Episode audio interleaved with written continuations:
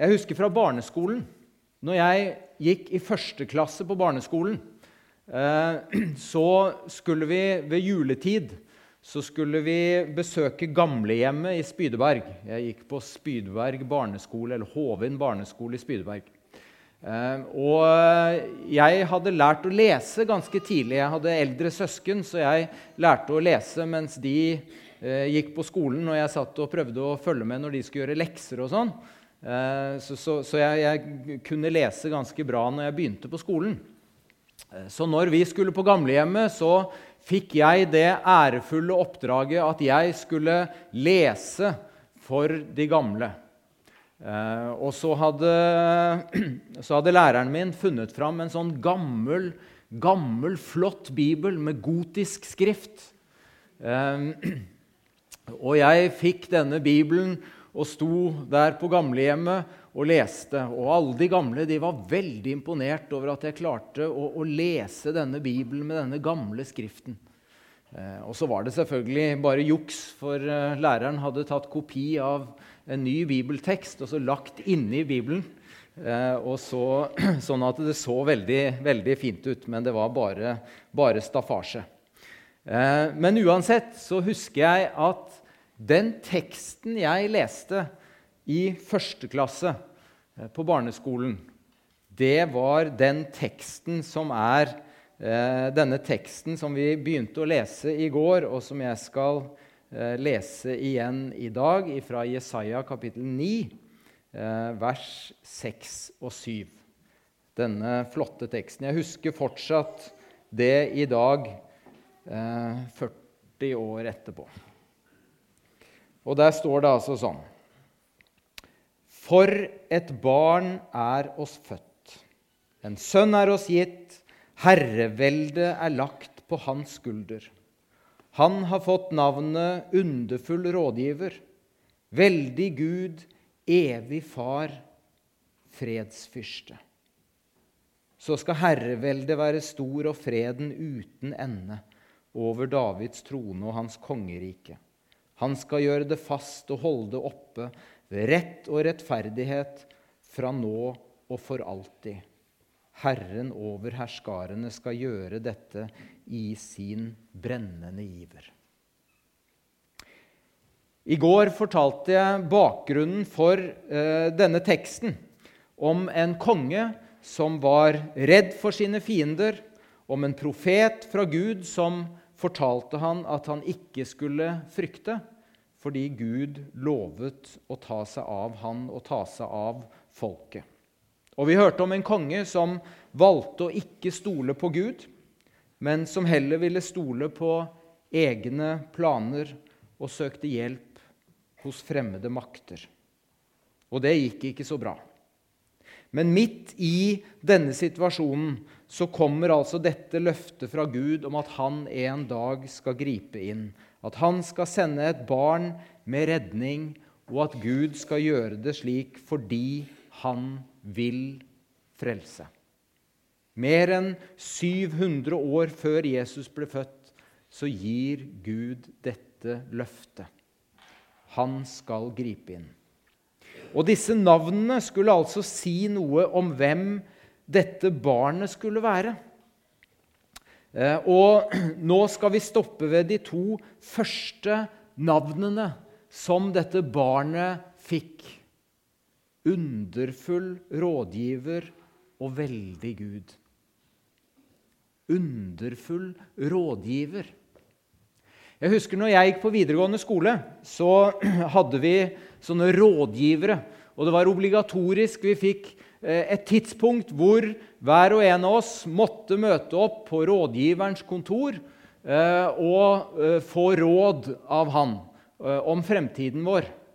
Og Så spurte han oss ja, hva, hvilke interesser har du, hvor mye jobber du med skolen, du, hvilket liksom, nivå ligger du på sånn, hva, hva er det du er opptatt av i livet, er lønn viktig?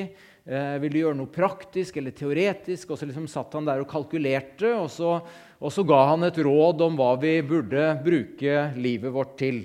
Hva slags utdannelse vi burde ta, hva vi burde gjøre etter videregående utdanning.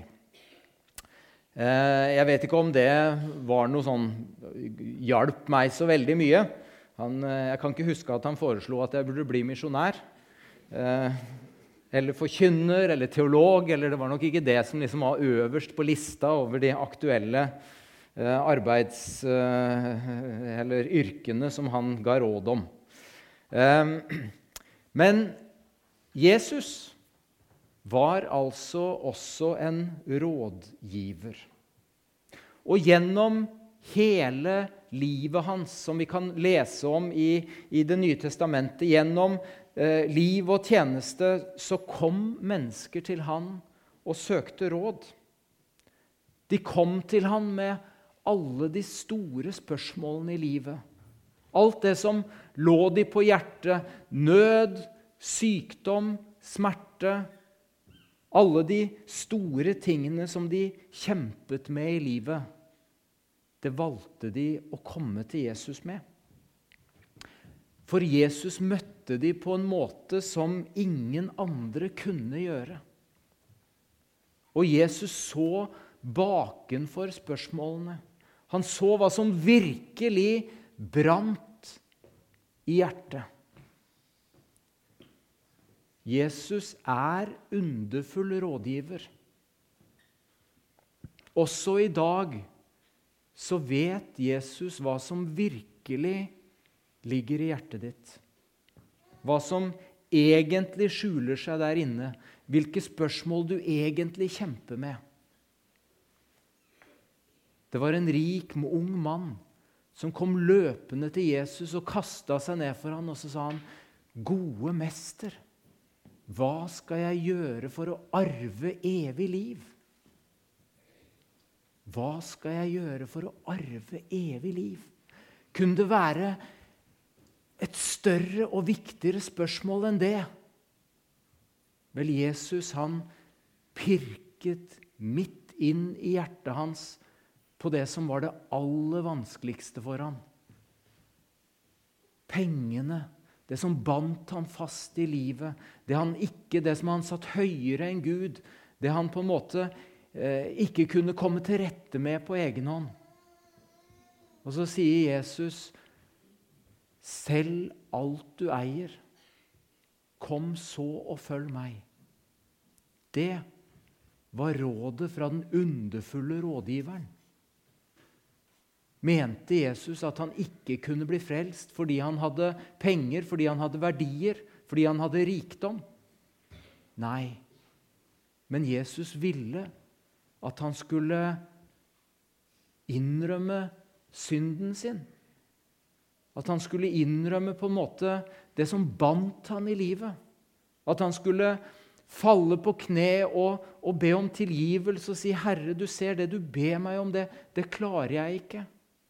Jeg skal elske, Du skal elske Herren din Gud av hele ditt hjerte og av hele din sjel og av all din forstand. Ja, hvem kan det? Og ikke nok med det, men du skal elske din neste som deg selv. Det var det Jesus pirket i. Du tror at du er rettferdig, men du skal elske din neste som deg selv. Når du spiser maten din, når du hver dag har alt det du trenger så, så krever faktisk Gud at du skal ha like stor omsorg for alle andre mennesker som ikke har det du trenger. Og så ville han vise denne mannen at du, du, du, er ikke rettferdig, du lever ikke rettferdig, men du kan komme til meg med din nød. Og så ville denne rike, unge mannen han, han ville ikke akseptere det rådet han fikk av den underfulle rådgiveren. Jesus gir råd som sikter på å bringe mennesker til himmelen. Jesu råd har den målsetningen å gi mennesker evig liv. Derfor er Jesus den underfulle rådgiveren som du kan komme til med alle ting i livet ditt. Alle ting kan du bringe til han, og du kan vite det. At han er den som kan gi råd som fører til evigheten. Men det jeg først og fremst ville stanse ved i dag, det er dette, eh, denne termen, eller dette navnet, veldig Gud. Veldig Gud. Og dette er jo på en måte det, det, rareste i teksten vår. For først så understrekes det at det er snakk om et barn, en sønn. Og deretter sier teksten at han skal være veldig, han skal være mektig Gud. Og det er jo en slags motsigelse her. For barnet representerer først og fremst det svake, det hjelpeløse, den som er helt avhengig av omsorg fra andre. En mors og fars omsorg.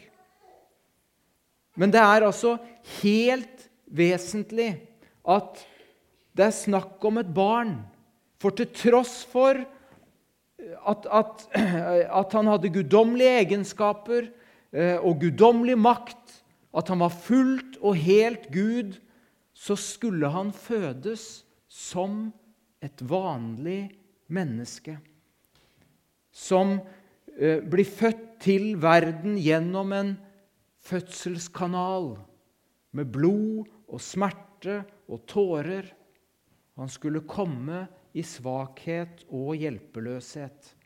Når Gud i sin brennende iver etter å frelse griper inn i vår verden, så er det ikke i, i, i, i makt, det er ikke ved keiserens hoff, det er ikke i kongsgården, det er ikke med militærmakt. Men det er i selvfornedrelse i svakhet. Og Guds frelse lyser imot oss i et barneansikt. Utenkelig i alle andre religioner. Sann Gud som fornedrer seg til å bli fullt og helt menneske. Og så fødes han med retning mot døden. Der hvor alle vi andre vi fødes for å leve, så fødes Jesus til lidelse, død og oppstandelse. Med det som målsetningen for livet. Det vakre, lille barnet skulle lide døden for hele verdens ondskap. Ja, hvorfor måtte han det? Gir det, noen, gir det, noen, mening at enda et menneske skulle lide og dø? Hvorfor, hvorfor, skulle det gjøre noen forskjell? Det er mange som spør seg om det i dag. Gir kristentroen egentlig noen mening? Er det ikke meningsløst å tro at et menneskets død skulle bety noe for oss? 2000 år senere. Noen sier til og med at, eh, at kristen teologi er en slags sånn kosmisk barnemishandling, hvor en, hvor en, hvor en gud har, har, på en måte glede i å, å ofre sitt eget barn. At det er en, en, en grotesk form for, for, for, for barnemishandling. En Gud som straffer et uskyldig barn. Var dette en slags menneskeofring? Var det en barbarisk gud som hadde glede av å drepe barnet sitt? Kunne ikke Gud gjort dette på annet vis? Kunne han ikke bare tilgi? Kan han ikke bare være god og tilgi alle? Hvorfor krever han soning? Hvorfor krever han offer? Hvorfor krever han oppgjør? Det er vanskelig å skulle se Gud i kortene. Og det er av og til vanskelig å skulle forklare hvorfor Gud handler som han gjør. Men kanskje er det fordi tilgivelse uten et oppgjør og uten soning ikke uten videre er rett og godt. Og vi vet det Eh, hvis vi ser på f.eks. På, på den internasjonale domstolen, menneskerettighetsdomstolen i Haag, så, så, dømmer de mennesker for krigsforbrytelser som, som skjedde flere tiår tilbake i tid. Lang tid tilbake i tid, i det tidligere Jugoslavia eller i, i, i, i Burundi, Rwanda. Ting som har skjedd for lang tid tilbake. Selv om det egentlig ikke er noen fare for, for gjentakelse så kan vi spørre ja, hvorfor, hvorfor kan ikke domstolen bare tilgi? Hvorfor kan ikke domstolen bare være, bare være eh, human og tilgi? Nei, fordi en enkel tilgivelse ville være galt. Det ville være en urett og et overgrep mot dem som ble rammet. Mot familiene deres, mot de som mistet sine, sine nærmeste og sine kjære. Det er rett og godt med et oppgjør. Dom og soning er rett. Uretten må sones. Hvor mye mer må ikke uretten sones når den begås mot den hellige Gud? Hver dag så gjentas uretten i vår verden. Hver dag fortsetter overgrep og drap og lidelse. Ondskapen preger vår verden, og mennesker og skaperen lider i møte med det onde. Men det er altså ikke bare et menneske som tar straffen og soner. For det lille barnet i krybben er så mye mer enn bare et lite barn. Det er den gode Gud som selv griper inn i verden. Det er den gode Gud som selv velger krybbe, kors og død. Det er Gud som selv går inn under våre kår og velger døden. Den gode Gud overvinner ondskap og lidelse og skaper soning og fred mellom mennesker og Gud. Så det er altså Gud selv som bringer oppgjøret. Og Derfor blir alle bilder av en, av en, en, en far som ofrer sitt barn, de blir meningsløse. For i dette tilfellet er Faderen og Sønnen ett. Det er Gud.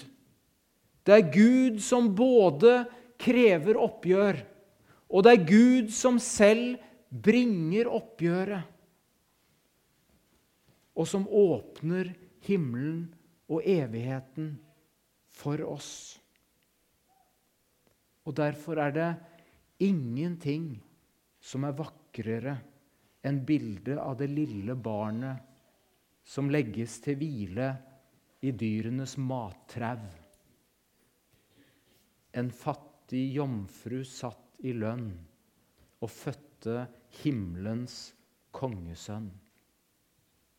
Og Derfor kan vi også rope og juble vår takk og lovsang til Han som kom, som ofret alt.